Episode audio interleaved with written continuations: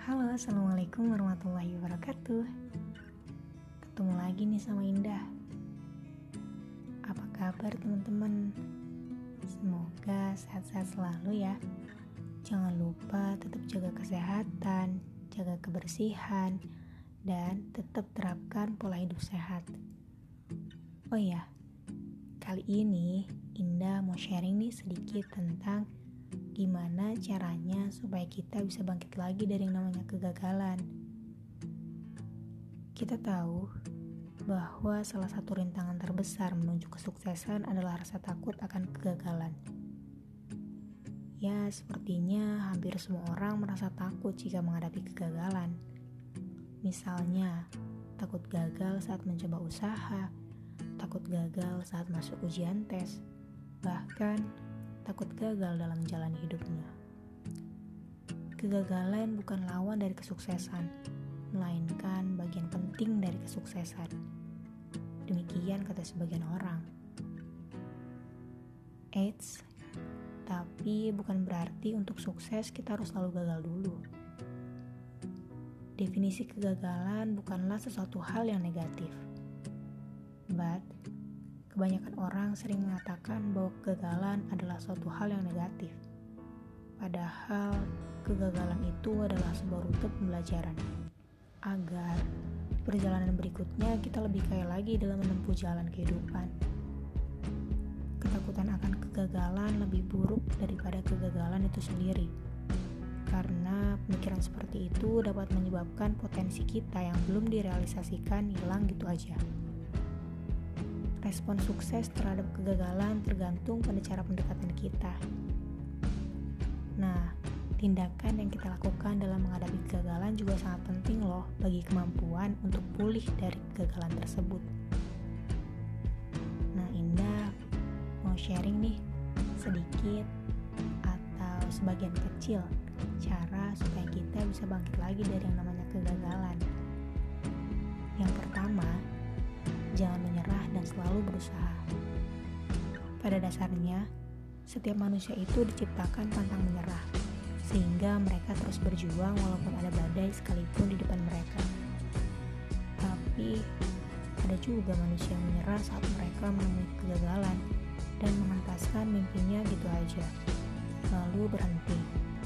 Padahal, di depan, mereka masih memiliki kesempatan yang terbuka namun karena gagal, mereka memutuskan untuk tidak mengejar mimpi tersebut.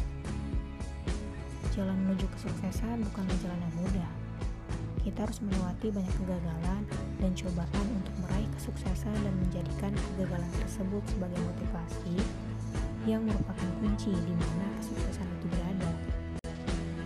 Yang kedua,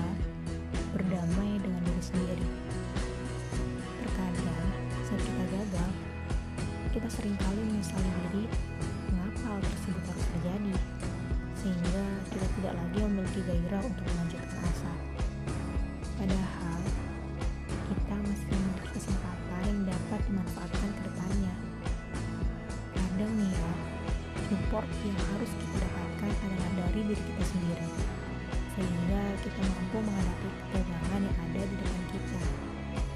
Karena hanya diri kita sendirilah yang seberapa besar kita membutuhkan penyemangat untuk membangkitkan diri kita sendiri. Beristirahatlah sejenak hingga diri kita merasa lebih baik. Nanti, pada saat diri kita yakin dan siap untuk mencoba lagi, kita tidak akan berhenti karena telah memiliki waktu istirahat yang cukup. Yang ketiga, yakin selalu ada kesempatan dan pilihan saat gagal, yakinlah pada diri sendiri. Saya gagal karena saya mendapatkan kesempatan untuk menjadi lebih baik lagi. Optimisme adalah perasaan positif. Setelah kita melakukan kembali hal yang harus kita coba selanjutnya, ada baiknya kita yakin bahwa kita dapat melakukan hal ini dengan berhasil dan terus melanjutkan asa serta perjuangan kita untuk meraih cita-cita. Yang keempat, lihat kegagalan sebagai pembelajaran. Kita tahu bahwa apa yang kita rencanakan tidak akan pernah sesuai 100% dengan kenyataan. Karena hal itu, kita akhirnya menghadapi sebuah dilema.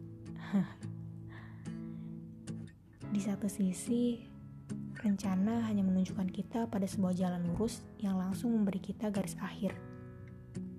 Hal itu mudah, tapi sangat membosankan.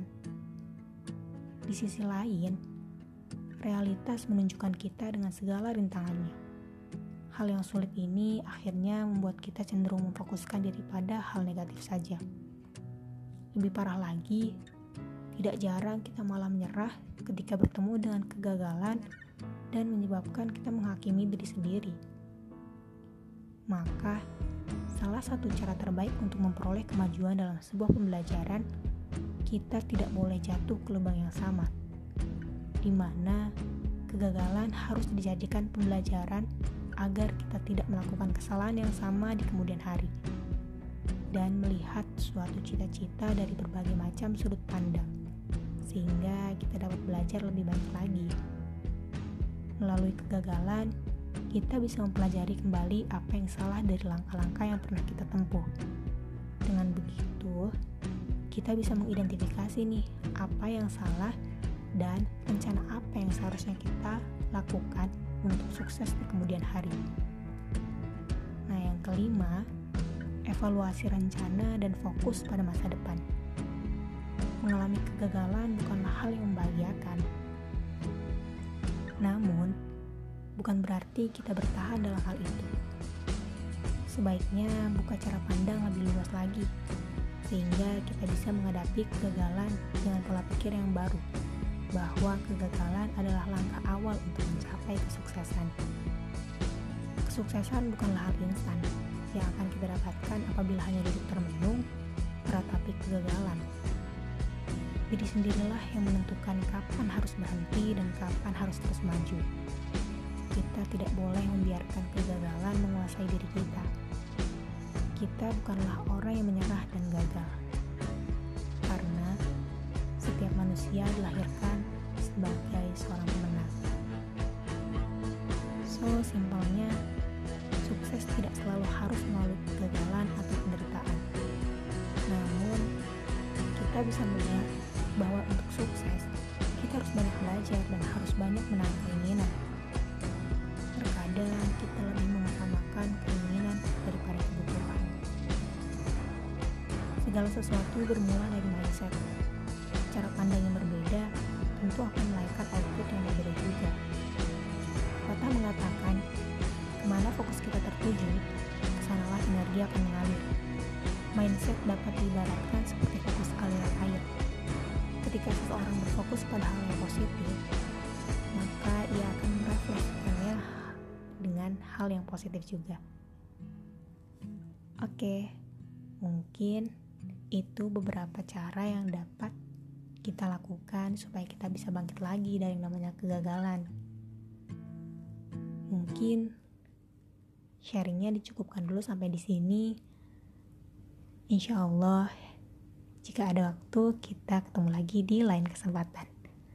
Semoga sedikitnya bisa bermanfaat dan mohon maaf apabila ada salah-salah kata. See you next time and bye bye. Assalamualaikum warahmatullahi wabarakatuh.